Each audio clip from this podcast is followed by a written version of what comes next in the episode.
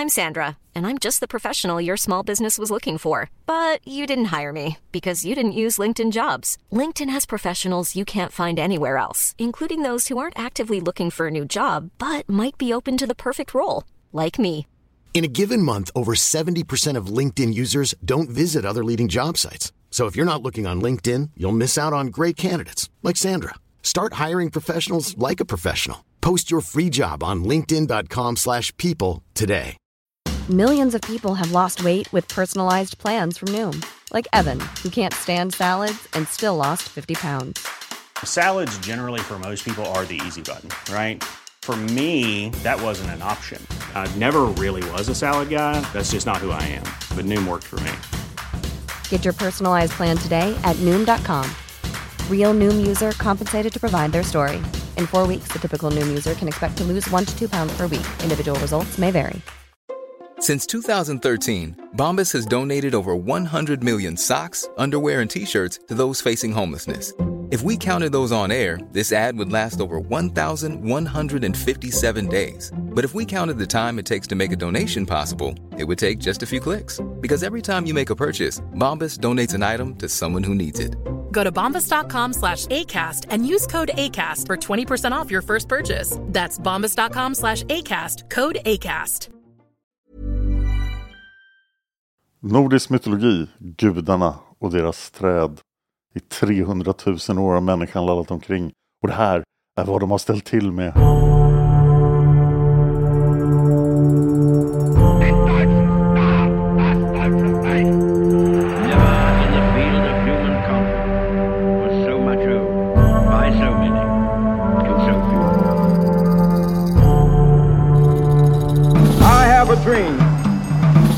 Dallas, Texas, the flash, apparently official, President Kennedy died at 1 p.m. Central Standard Time. one small step for man, one giant leap for mankind. Statsminister Olof Palme är död. På eftermiddag World Trade Center i New York brinner. Nu blir det historia med Dan Hörning och Cornelia Boberg. Ja, bra, Seg- segregerat skatt. Alltså det går att klippa bort. ja, Låter jag bra? jättebra. Hej Cornelia! Hej Dan! Hej, vi fortsätter vår storsatsning här på nordisk mytologi. För nu ska vi prata om gudarna och deras träd. Och vad de har ställt till. Och det här har ju du hjälpt till med ganska mycket, det här avsnittet. Helt klart. Min ambition var ursprungligen att vi skulle göra en lista över alla gudar och gudinnor i nordisk mytologi. Det visade sig vara en omöjlig uppgift. Det fanns väldigt många. Ja, det var definitivt inte 12 gudar som Snorre sa, utan det är många fler. Och sen var det så här, ja men den här personen, eller den här guden och den här guden, det kanske är samma. Man bara, ja okej. Ja, det här är en människa, eller en alv, eller en gud, eller... Så Vi vet inte. Nej, och då måste vi gå tillbaka till källorna, förutom Snorre då. Vad sa folk på den här tiden egentligen? Och en sak vi vet är att eder avlades i Norden. Man svor alltså när det var något viktigt. Och då svor man vid Frö, Njord och den allsmäktige Asen. Vilket förmodligen var Oden då. Man kunde också svära vid Frö, Fröja och den starke Tor. Fröja. Ja, och det är Frej och Freja. Ah. Frösön ligger ju i Assjön egentligen, alltså Åssjön, den asarnas sjö. Och Frösön var ju Frösö, alltså Frejsö. Så Frej och Frö är synonymt och Fröja och Freja.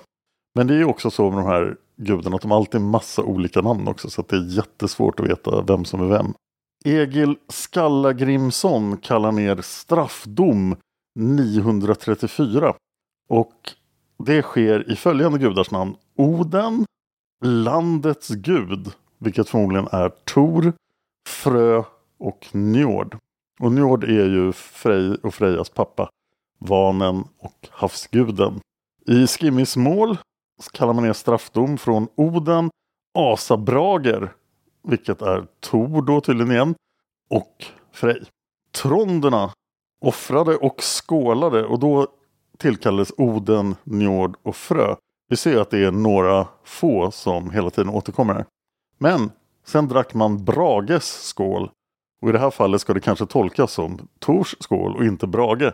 Du hör hur klart och tydligt det här är. Ja, herregud, det är absolut självklart. I Flateboken nämner man Tor, Oden och Fröja. Adam av Bremen säger att i Uppsala templet så fanns det tre gudabilder som var de viktigaste. Det var Vodan, alltså Oden, Tor och Fricko, som förmodligen också är Frej. Men Tor var i mitten, för han var den mäktigaste guden. Mhm. Mm. Och det finns väldigt mycket gamla källor, eller ja, väldigt många baserat på att de är väldigt få totalt, men många av dem verkar uppge att Tor eller Tyr är den viktigaste guden och inte Oden. Och möjligtvis är det så att Oden är en gud från Europa, alltså från germanerna i Europa, som sent i nordisk mytologi tog över och var den ledande guden.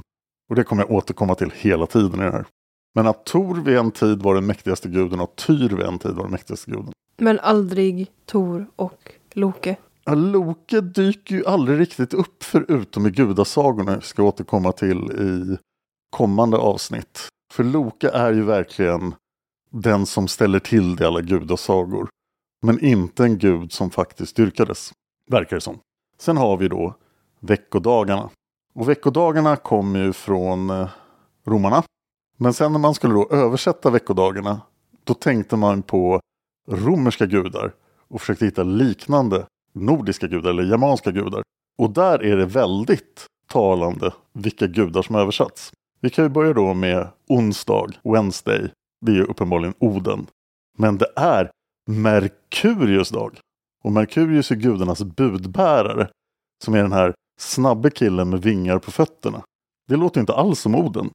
Men båda två hämtar de döda. Och sköter om transporten till dödsriket. Och det är Oden och Freja som delar på de döda i nordisk mytologi. Så vissa döda hamnar hos Freja och vissa hamnar hos Oden. Och hos Hel. Ja, just om man har varit dålig så hamnar man där. Sen har vi ju då torsdag, uppenbarligen uppkallad efter Tor. Men det är Jupiters dag på latin, alltså ledarguden. Som man ju direkt skulle tro gick och matcha med Oden. Men när han matchas med Tor, för Tor är ju himmelsguden. Det är han som åker omkring i himlen och spöar jättar och skapar blixtar. Och det här kanske också kommer då från tiden att Tor var den viktigaste guden. Kan du komma på någon mer veckodag som verkar ha med nordiska gudar att göra? Fredag. Ja, Frej. Mm. Någon mer? Men som att lördag det är lögdagen. Var kommer söndag ifrån? Solen. Solen. Sunday. Ja, och måndag är månen. Ja. Men tisdag? Ja, tisdag är ju då Tyrs dag. Ah. Återigen, Tyr den viktigaste guden. Och på latin är det Mars dag. Alltså krigsguden. Mm. Och Tyr som krigsguden kommer tillbaka hela tiden. Men Tor är lite krigsgud, Oden är lite krigsgud också ibland. Sen har vi då Prokopius som skriver på 500-talet om invånarna i Thule. Han säger att de dyrkade många gudar och andar i himlen, i luften, på jorden och i havet. Samt även några som troddes bo i källor och floder. De offrade åt de här gudarna, det här låter ju väldigt primitivt. Och att Ares, Mars, krigsguden, var deras högsta gud. Och till krigsguden offrade de människorna. Och det antyder då att Tyr kanske var den viktigaste guden. Om det är Tyr som är krigsguden, som Prokopius hört talas om. Vi pratade om Merseburgsbesvärjelserna förut. Och där var ju Balder, Oden, solen och månen, Fria. Som antingen då är Odens fru Frigg eller Freja. Men säger inte vissa att de två är samma person? Ja, för det är ju, Freja har en man som heter Od. Och Oden har en fru som heter Frigg. Och Frigg och Frejas uppgifter går ganska så här, ah, det är lite likt. Men, och Frigg är väl Balders morsa? Ja, så det kanske har funnits en tro ett tag där det fanns en kvinnlig och manlig övergud och det var Oden och Freja. Jag tror vi kommer tillbaka till det. Sen har vi då som jag nämnde tidigare ortsnamnen som ger oss lite intryck av vad som faktiskt hände vid riten och vilka gudar som var viktiga. Som jag nämnde ju Ull förekommer överallt, finns knappt med i gudasagorna. Loke finns med i gudasagorna, förekommer inte några ortsnamn. Men dessutom hittar man ortsnamn som eh, kommer i par. Att närliggande orters namn innehåller ofta då Njord, Tor och Freja. Till exempel Ull och Tor i närheten av varandra. Det är mycket trefald. Det är mycket att gudar gör saker i grupper om tre. Som till exempel Oden, Vil och Ve. När de sprang runt och härjade i skapelseberättelsen. Men det finns ju en sak. Nu har vi gjort ett antal avsnitt här om nordisk mytologi och upptakten till den. Men sen har vi ju det där konstiga trädet. Nu tänker jag berätta för dig om den förskräcklige stormgudens häst. Va? Den förskräcklige stormgudens häst. Det är en rebus. Aha. Ja, stormguden är ju Oden nu helt plötsligt. Så att Oden håller på med himlen. Tor håller också på med himlen. Ingenting är konsekvent. Men i det här fallet är det Oden och då använder jag ett av hans många namn för han har ju jättemånga namn. Allfader, Odin, allfader, ja och så vidare. Och ett av hans namn är Ygg. Så gör då den förskräckliga stormguden Ygg. Och häst då heter Drasil på fornisländska. Nu pratar jag som Yggdrasil och det betyder den förskräckliga stormgudens häst. Men, Men det är ett träd. Va? Ja, och det har att göra med gudasagan som vi ska ta upp i nästa avsnitt.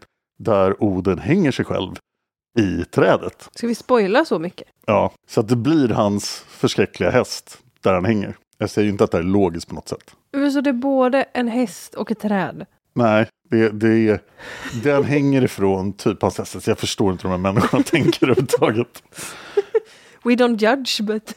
Och sen har jag alltid tänkt när man har hört talas om Yggdrasil att hela världen ligger i det här trädet. Men det var inte med i skapelseberättelsen. Det är inte så att på en gren är Asgård, på en gren är Midgård. Nej, alltså det har ju varit ett begrepp som har hängt med när man har pratat om nordisk mytologi. Ja. Precis som med Sleipner, Mjölner, Midgård, Yggdrasil. Ja, men det har ju hängt ihop liksom. Och då har man ju tänkt att ja, men då måste det också vara där. Det är inte ens tydligt hur stort det här trädet är. Eller vad det är för träd. Det är oftast en ask, men det är ibland en ek och ibland kan det vara en idegran. Då blir det barrigt och jävligt. Men under den här Yggdrasil-asken så finns alltså den heligaste platsen där gudarna dagligen samlas till ting. Det antyder att det inte alls är något jättestort träd. Det är kanske några hundra meter högt, det är inte så här tiotusentals mil högt. Men hur stora är gudarna? De, de är ju stora som vanliga människor, typ. Och i de flesta fall verkar det som jätten också är stora som vanliga människor, men ibland är de jättestora. Det är som att ingenting går ihop i den här mytologin. Men Yggdrasil är ett träd och det har rötter. Och de här rötterna är tydligen jätteviktiga. För det är tre rötter. Den ena roten går till Midgård och Asgård. Den andra till Jotunheim, eller Utgård, alltså jättarnas bostäder. Och den tredje går till Nifelheim, alltså underjorden. Under var och en av dessa rötter finns det en brunn. För det räcker inte med de här floderna som kom från kossan. Under den första roten ligger Urdarbrunnen. Det betyder ödesbrunnen. Och nu är det där gudarna håller sina ting. Så att det är inte under hela Yggdrasil de håller utan de går in under den här roten och där har de sin lilla klubb för att bestämma saker. Den andra roten ockuperar de Mimers brunn. Och den ska vi komma tillbaka till i gudasagorna men det är då visdomen och kunskapens källa. Det är väl där orden hänger. Han gör väl saker med den där Ja, brunnen. precis. Men det gör han inte förrän det har hänt en massa saker i gudasagorna. Under den tredje roten föds älven Vergelmer. Men den här Urdarbrunnen som ligger under första roten där gudarna håller sina ting. Där håller även nornorna till och gör sina grejer. Förutom att spinna folks öden och hålla på och vara partypoopers för asarna så har nornorna även uppgiften att hämta vatten och vit sand för att överskölja Yggdrasils rötter för att hindra dess stam och grenar från att vissna. Lite trädgårdstips från nornorna. Prova inte det här på er jättestora ask. Och sen då, som allting i nordisk mytologi, så kommer nu att spåra ur något fruktansvärt. Jag har ju redan spårat. För nu är asken jättestor. En jättestor träd. Och i kronan finns det fyra djur. Ja, då tänker man det här kanske är apor, eh, kråkor, någonting som brukar leva i kronan. Men nej, det är fyra hjortar. ja, Mm, De heter Dain, Dvalin, Duneir och Duratror. Två har alltså dvärgnamn. Och de går omkring där i kronan och äter av trädets blad. Dessutom sitter en jättestor örn, räsvälg, i toppen av Yggdrasil.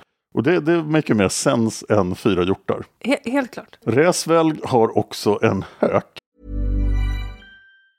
Even on a budget, quality is non-negotiable. That's why Quince is the place to score high-end essentials at 50 to 80% less than similar brands. Get your hands on buttery soft cashmere sweaters from just 60 bucks, Italian leather jackets, and so much more. And the best part about Quince, they exclusively partner with factories committed to safe, ethical, and responsible manufacturing. Elevate your style without the elevated price tag with Quince. Go to quince.com slash upgrade for free shipping and 365-day returns. I'm Sandra, and I'm just the professional your small business was looking for. But you didn't hire me because you didn't use LinkedIn jobs. LinkedIn has professionals you can't find anywhere else, including those who aren't actively looking for a new job but might be open to the perfect role, like me.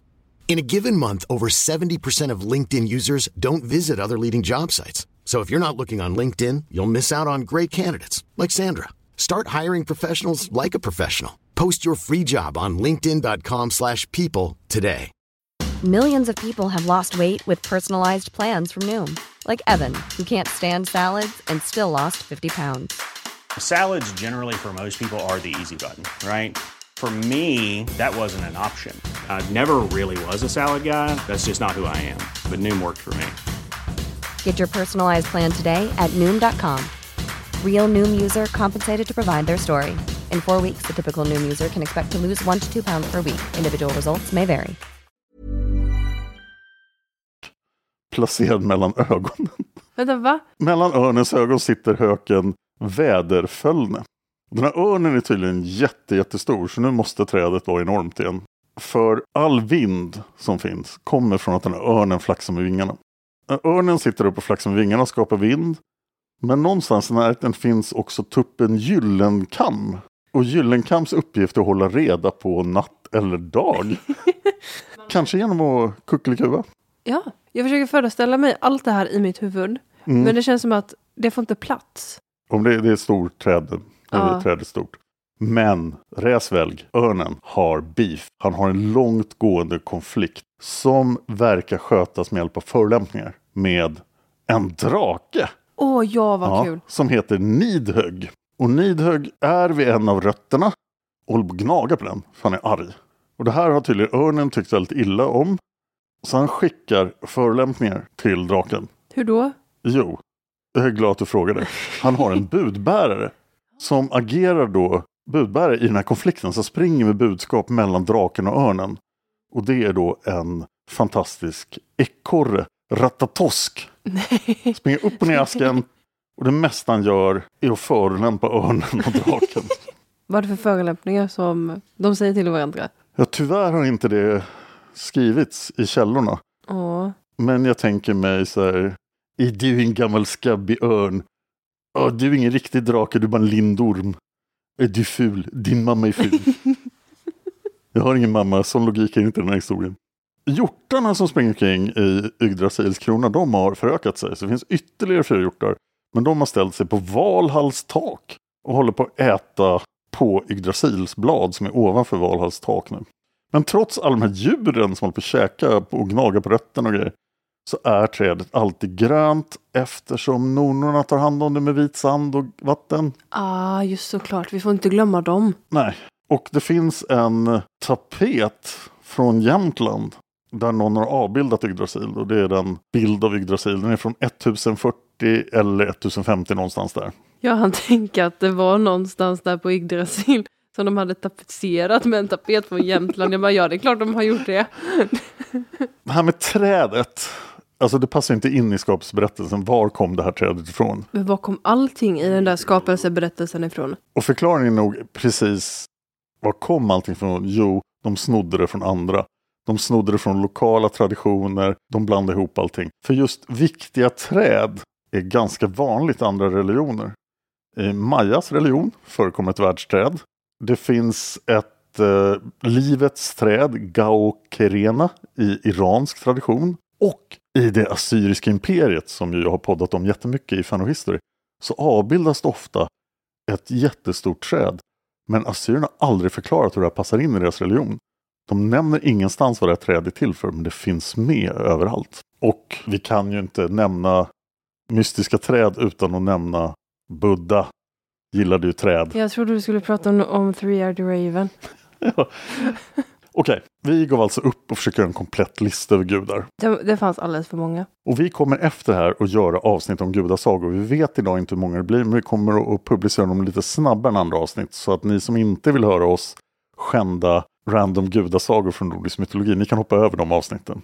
Men för att förstå då gudasagorna så tänkte jag presentera lite noggrannare de tre viktigaste gudarna för sagorna. Men det blir lite som ett character sheet. Ja, lite som eh, rolllistan här från programmet. Och vi har ju redan nämnt då att gudarna kom i tre grupper ofta. Men när det gäller sagorna så är det tre stycken som sticker ut väldigt mycket. Och det är då Loke. För han är nästan alltid med. Han är nästan grunden till alla problem och ibland till lösningarna. Men Loke gör jättemycket saker. Det är jättekul att följa honom. Trickster God. Ja, det är lite så här, vad ska han göra nu? Och han är ofta då tillsammans med Tor eller Oden. Eller alla tre.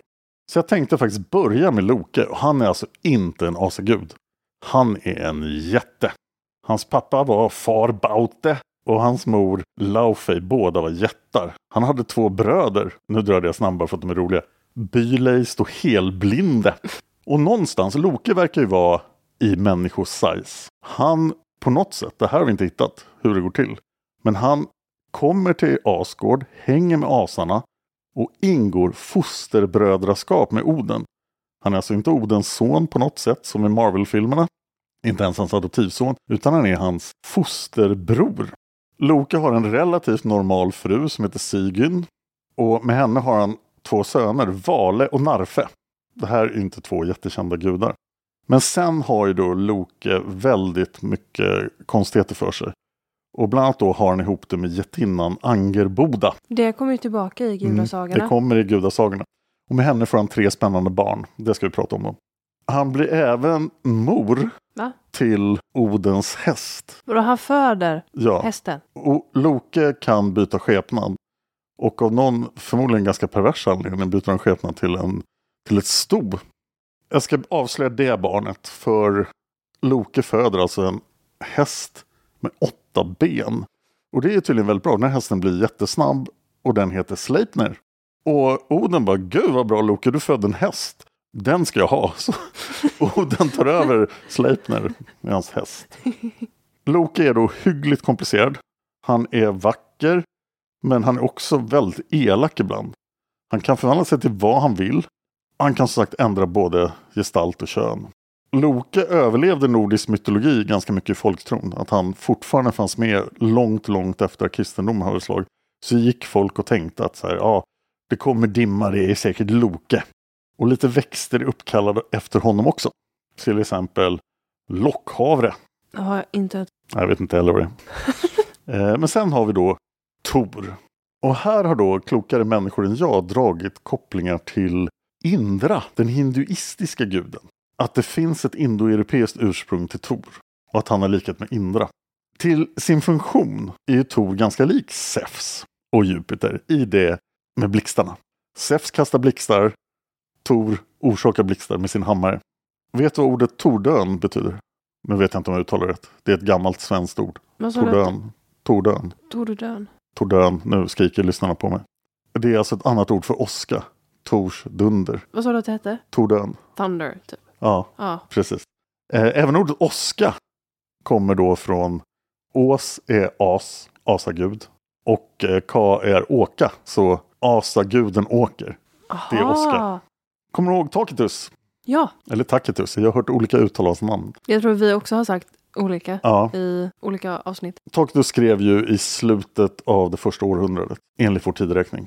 Och han skrev ju en massa om Skandinavien. Han rapporterar att germanerna dyrkade Herkules. Och då menar han återigen Tor. En gud som är en hjälte som slåss mot odjur, försvarar människorna och har ett trubbigt närstridsvapen. Herkules har ju en klubba och Tor har sin hammare Mjölner. Vissa religionshistoriker tror att Tor var den högsta guden.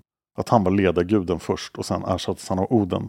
Och det här med att Oden ersatte kan ha skett ganska sent men hade definitivt hänt då när poetiska och prosaiska Eddan skrevs.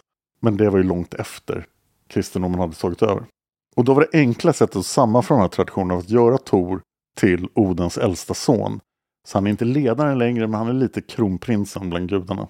Tor är gift med Siv och han har med henne sonen Mode och dottern Trud. Nu är då Mode inte guden av snygga kläder och trender utan också en ganska neutral gud. Han heter Mode. Jaha, jag tyckte du sa typ moder. Nej, Mode. Men Tor hade tydligen tidigare äktenskap med en jätte. Järnsaxa. Jag kan tänka mig att hon kunde saxa honom jättehårt. Och det blev det en son då som hette Magne. Och Magne kommer tillbaka i Ragnarök. Tor är ju ganska berömd för sin hammare men också berömd för sin vagn som han ofta åker omkring i. Han rider aldrig på en häst som Oden gör hela tiden. Och det kanske antyder just att Tor är en äldre tradition när man åkte vagn. Men Oden är från ett folk med kavalleri, vilket ju är senare än vagnar. Och för att dra sin vagn har Tor då inte hästar heller. Han verkar väldigt hästfientlig. Utan har då två bockar, två getabockar som heter Tandgnissle och Tandglese. Ja, det var ju lätt att särskilja de två. En gnisslar och en har glissat så mycket så att han inte har tänder kvar. Och i indisk mytologi så åker Indra omkring i en vagn och spöar på monster. Mhm. Mm. Ja, det låter ju väldigt likt. Och det är ju här då åskan uppkommer. Tor har samlat på sig mycket magiska saker. Han inte bara den här fantastiska hammaren, väl skildrad i Marvel-filmerna, utan har ju även sitt kraftbälte, Meginjord. När han drar åt svångremmen i kraftbältet så blir han ännu starkare. Han är ju redan jättestark. När han inte åker vagn så går han alltid. Tor verkar väldigt populär bland folk i Skandinavien. Speciellt mot slutet av nordisk mytologi. När vi hittar de här torshammarna på folk. Mm. Men det har Och- de ju fortfarande. Och folk som gillar fornked har ju ofta torshammare. Och många som inte alls, eller som bara tycker nordisk mytologi är roligt, har ju torshammar också. Mm. Jag har burit torshammar en gång i tiden. Och Tor var väldigt populär bland lägre samhällsklasser. Han är okomplicerad. Han är så här, äh, finns det några jättar, jag slår dem. Jag är allmänt schysst. Lite arg kanske. Så bönderna gillade honom, trälarna gillade honom och det gjorde honom till den populäraste guden. För ingen gillar ju Loke. Och Oden var ju lite upphöjd. Det var ju för folk som sysslade med magi eller ledarskap. Och så här, Oden var lite finare. Men alla kunde dyrka Tor. Varför tycker ingen om Loke? Han är ju lite jobbig. De gudasagor som jag har läst, nu har ju inte jag läst alla, men då gör han ju jättespännande saker. Kanske inte bra saker. Men ibland gör han väl bra saker också, Loke. Ja, men det var lite Hey Baberiba över honom. Han fick saker gjorda. Man tror också att kärleken till Tor, att folk verkligen gillade honom, då hängde kvar ganska länge efter kristendomen. Och ett sätt som Tor överlevde på är i julbocken. För vissa anser att det har att göra då med hans jättabockar som drar vagnen. Jaha. Och även Tor då är ofta refererad långt, långt senare efter kristendomen att han finns i folktron. På 1900-talet i Småland Nämen. ska Åh, man ha sagt att anledningen att trollen inte är kvar i skogarna längre Mm. är att Tor har slagit ihjäl dem med sin hammare. Jaha, det har inte jag hört. Nej, nej, det var ju på 1900-talet så det var ett tag sedan. Jag skulle tänka mig att det var början på 1900-talet. också. Men sen har vi då allfader Oden som ju helt har tagit över hela den här sörjan mot slutet. The one and only. Ja, och han är då enögd, men det blir han i gudasagorna, så det ska vi berätta mer om. Hur han blir av med sitt öga. Den har jag nog missat. Nej, det har du inte. Det har jag inte. Ja, det kan, jag kan ta den sagan. Ja.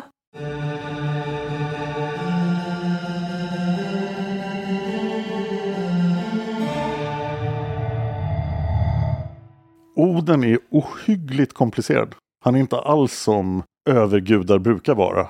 Som Marduk i babyloniernas religion eller Zeus. Som mest brukar vara så översittare, jag är högst och bäst, jag blir en svan och våldtar folk. Va? Zeus. Vi ska prata om grekisk mytologi en annan gång. Det var en mening jag trodde att jag aldrig skulle höra. Oden är superkomplicerad och har jätte, jättemånga sidor. De tycker att orden är komplicerade.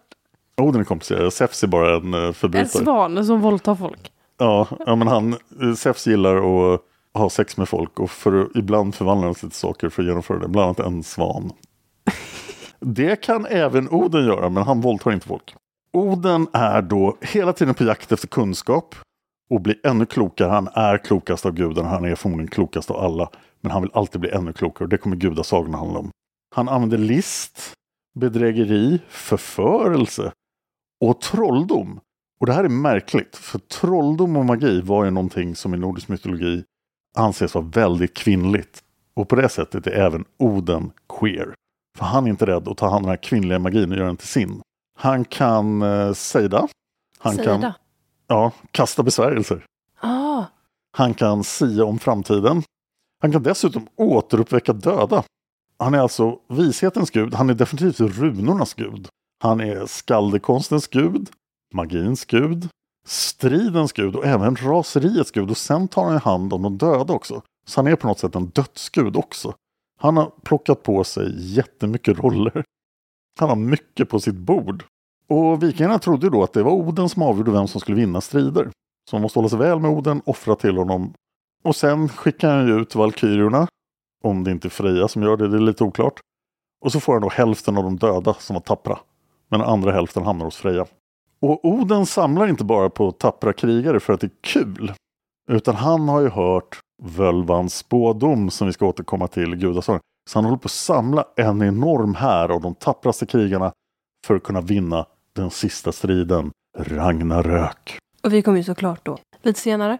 Ja, det är så jag tänkte vi skulle avsluta hela den här serien om nordisk mytologi med helt enkelt världen går under. Oden har ju då massor av barn. Och det verkar lite som, var kom den här guden ifrån? Det är säkert en av Odens ungar. Den mest berömda är definitivt Tor. Han har ju också då de här konstiga bröderna som faktiskt återkommer lite grann men inte mycket, Vila och Ve. Andra söner är Balder, Vidar, Höder och sen har vi då stackars Tyr, krigsguden, som kanske har degraderats till den här rollen. Snorre säger att Oden är Tyrs pappa. Men den poetiska Eddan säger nej, nej, nej, så är det absolut inte. Vem är Tyrs i så fall? Om det inte Det är vet jag inte. Nej. Odens ursprung har varit omdiskuterat sedan medeltiden. Och du kommer ihåg Snorres desperata försök att berätta att Oden var från Ukraina. Men ett tidigt omnämnande av Oden i en inskription från 400-talet på Vindelälvsskatten i Danmark som man hittade 2020. Och där nämns Oden. Och tidigare forskning har tolkat att det fanns ett skifte i religionsuppfattningen vid 500-talets början. Där då kanske Oden blev viktigare. Och flera historiker, fler än vad jag nämnde fanns Oden på riktigt, har återkommit till det här att Oden var nog en verklig person. Det finns ett kontroversiellt bevis för dyrkan av Oden som är ännu tidigare i Norden. 2011 hittades en 2000 år gammal romersk bronsmask på Gotland. Den första bronsmasken av det här slaget som hittades i Skandinavien överhuvudtaget. Det konstiga med den här masken var att den hade bearbetat. Det ena ögonhålet på masken hade satts igen med metallbit i form av ett öga.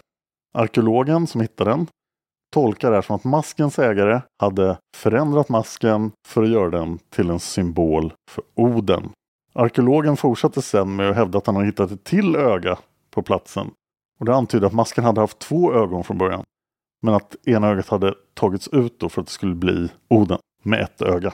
Oden har en hel uppsättning eh, husdjur. Han har ju då den här åttafotade hästen som Loke lämpligt födde fram åt honom, Sleipner. Men eh, han har två vargar också. Som eh, jag inte har sett göra särskilt mycket. Det saknar Gere och Freke. Men det kan man se på Oden-bilder att han har två vargar.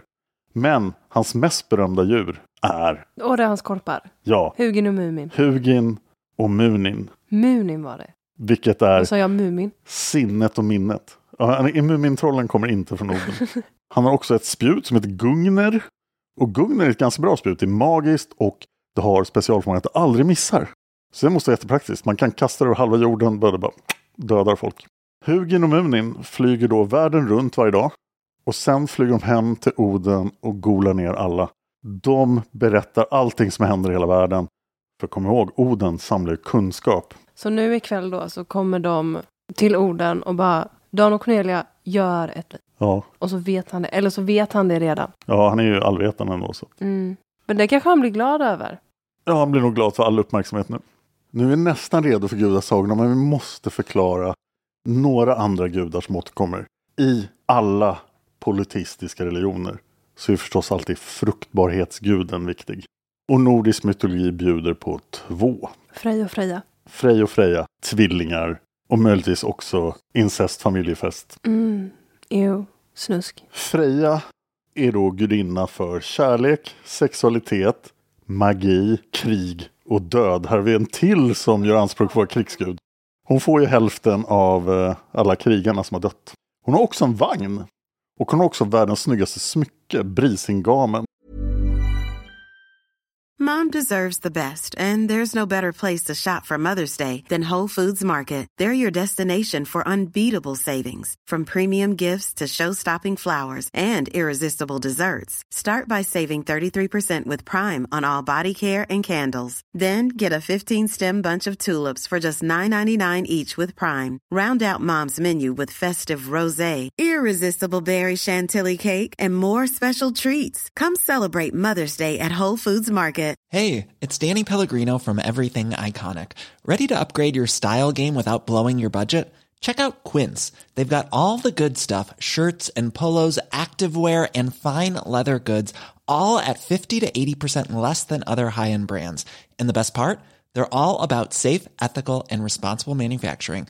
Get that luxury vibe without the luxury price tag. Hit up quince.com slash upgrade for free shipping and 365 day returns on your next order. That's quince.com slash upgrade. Så det är jobbigt när den kommer bort. Då måste folk rädda den. Hon har också en vagn.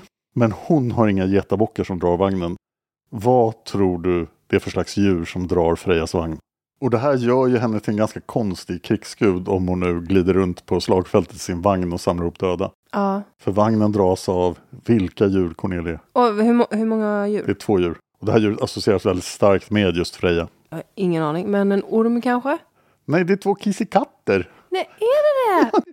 Jag kommer tillbaka till den här tecknade serien om nordisk mytologi jag läste när jag var liten. För då var de här katterna var ganska jobbiga och gjorde olika saker och så här. Och de var väldigt stora. Men ibland då när, när Freja vill ha lite mer, vara säker på att kunna åka åt ett håll, att katten inte drar åt olika håll. Så tar de fram sitt riddjur. Stridsgalten Hildisvin, sin jättestora krigsgris. Och vikingarna betraktade grisar som krigiska.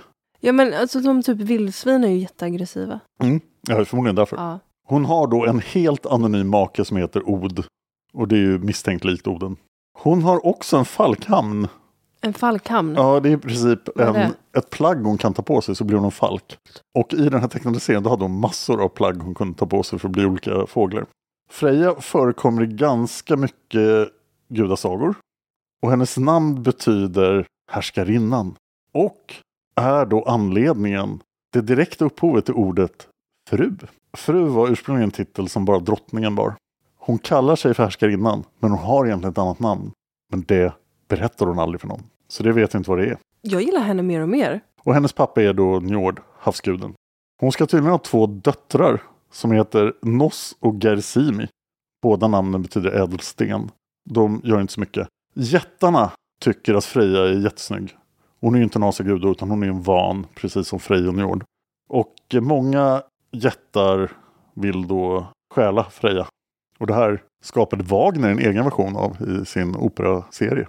Det var allt jag hade om Freja idag, men hon kommer nog tillbaka i våra gudasagor.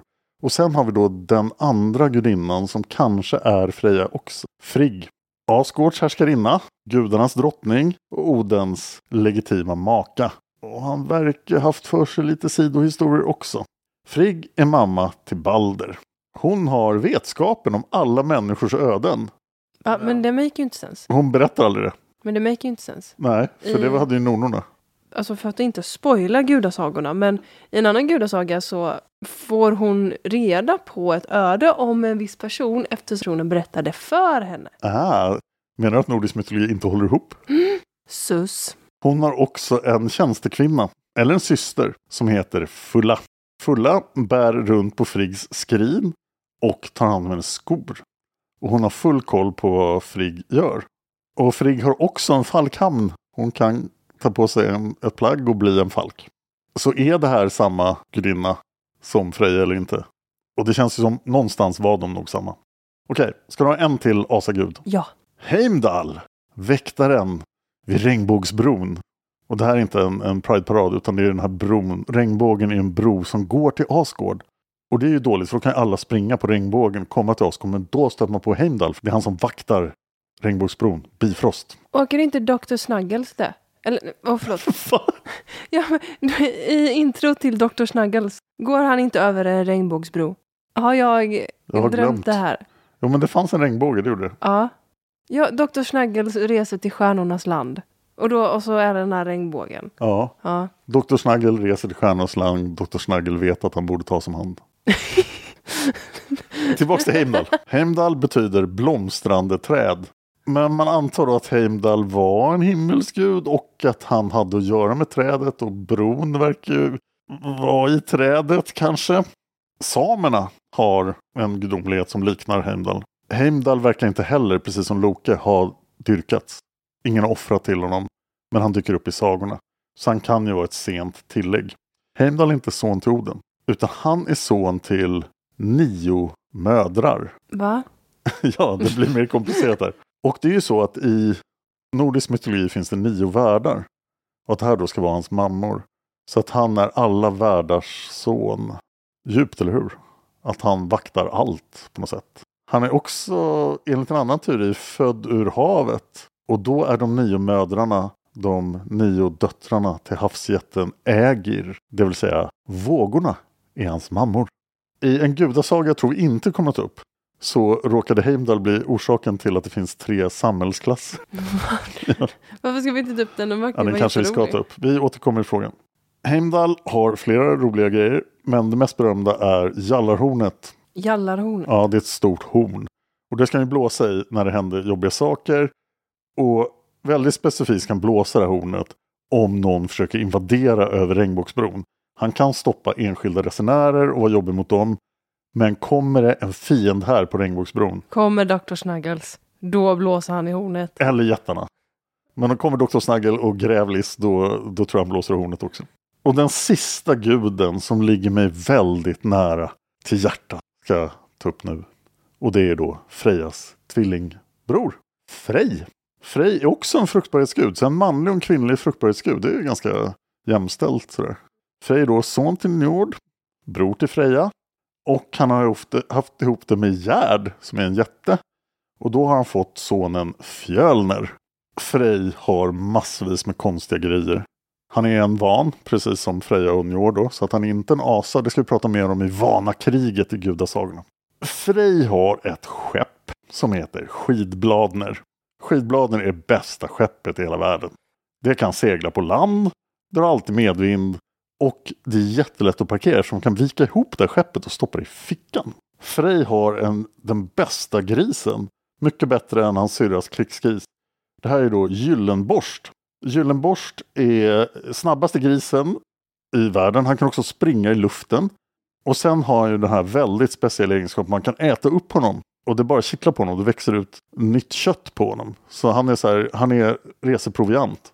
Och när då enhärjarna, de här krigarna, festar i Valhall, då kan de äta på Frejs gris. Och grisen tycker bara att det är kul. Den krisen hade varit jättebra att ha i krig för. Mm.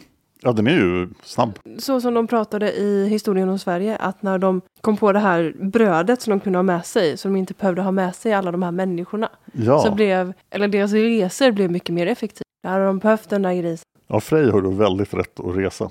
Han har också två tjänare som heter Byggve och Beja. Byggve och Beja är intimt förknippade med skörden. Och det är ju Frej till en ganska viktig gud för den vanliga människan som försöker bruka sin åker på vikingatiden och tidigare. I gudasagorna förekommer Frej tyvärr ganska lite. Snorre beskriver Frej som skön, kraftfull och barmhärtig och kallar honom för världens gud. Frej uppges också vara av Snorre stamfader till den svenska kungaätten Yngleätten. Och Snorre kallar honom för Yngve Frej. Och det här är ju förmodligen någon politisk poäng av Snorre att han ska fjäska lite för ynglingätten. Och Frej betyder ju mycket för mig för att en av mina kompisar i andra klass hade en bok som heter Nordisk mytologi. Jag tror den här boken fortfarande säljs. Precis som bok.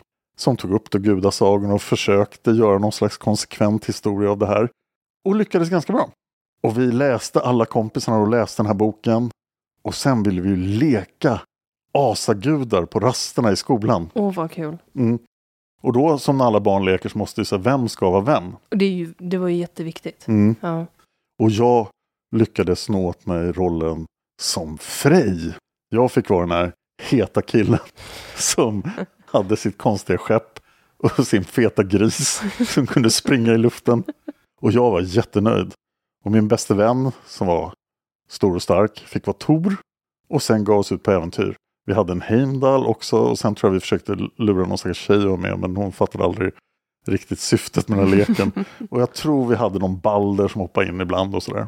Men det, vi höll igång bra och eh, ville vi ha riktigt roligt på rasten i skolan då lekte vi Ragnarök. Och, men berätta mer om hur ni lekte. Vad, hur gjorde ni? Ja, vi sprang väl mest runt och gjorde saker som barn gör. Men jag kanske ska återkomma till, till det här när vi pratar om Ragnarök. För det var ju ändå det vi lekte mest var ju världens undergång. Vilket ju låter rätt mörkt så här efterhand. Det är faktiskt väldigt många så här barnlekar. När man tänker på dem i, så här, i vuxen ålder och bara, nej men vad höll vi på med? Efter det här avsnittet kommer vi alltså att berätta gudasagor för varandra och för er. I några avsnitt. Jag vet inte hur många det blir. Nej, men vi kommer att publicera dem lite snabbare än vanligt. Och sen kommer vi gå över till Ragnarök. Och där kommer Island, Snorre, Nordisk mytologi-serien att få ett slut. Så det här har blivit lite som en serie, lite ändå fristående avsnitt. Jag älskar att kalla sånt här för en metaserie. Och en metaserie. Ja. Men sen har vi då en viss rysk tsar som vi har pratat om sedan avsnitt ett.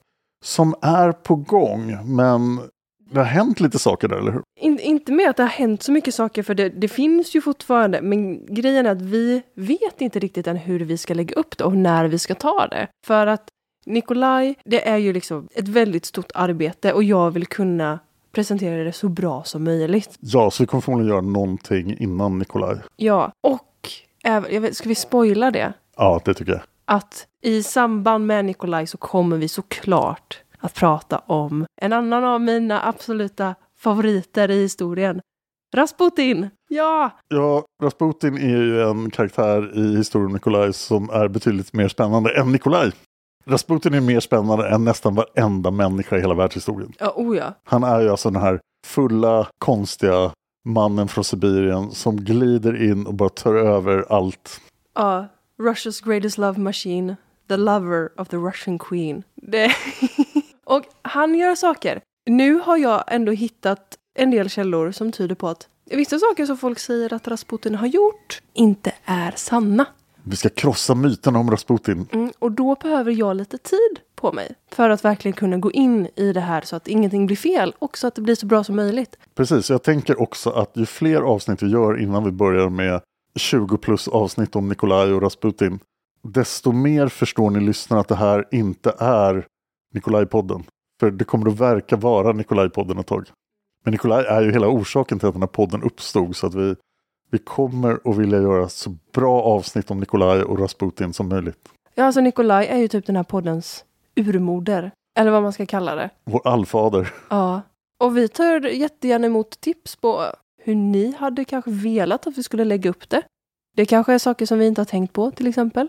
Är ni taggade på Nikolaj? Är ni, tagg är ni Jag är taggade? taggad. Jag är också jättetaggad. Ja. Är ni taggade på Rasputin? För de här manusen har ju varit eh, under produktion i två år. Och var ju färdiga för Massmördarpodden. Men eh, då var det massmördarfokus och en massa saker fick du inte ha med. Och nu kommer du att få ha med de sakerna. Och ett avsnitt av Massmördarpodden är dubbelt så långt som ett avsnitt av Nu blir historia.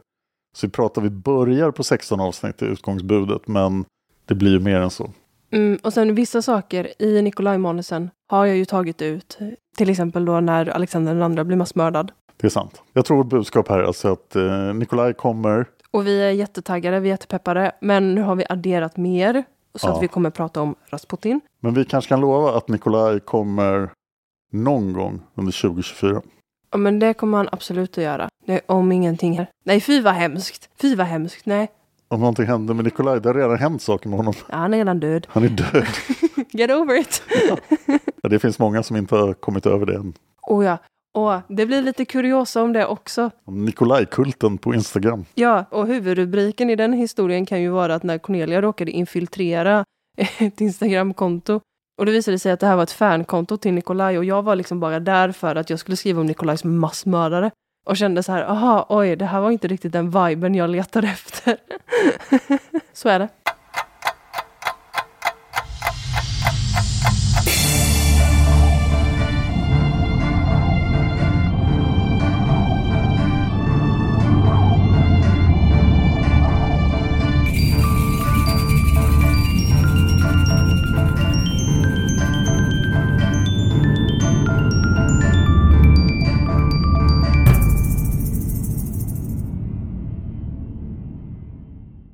Nordisk mytologi, gudarna och deras träd. Och med mig har jag en hysterisk kvinna. Vad är det som händer? Vi får nog ta om allting. Jag tror det. Så lugnar vi ner oss.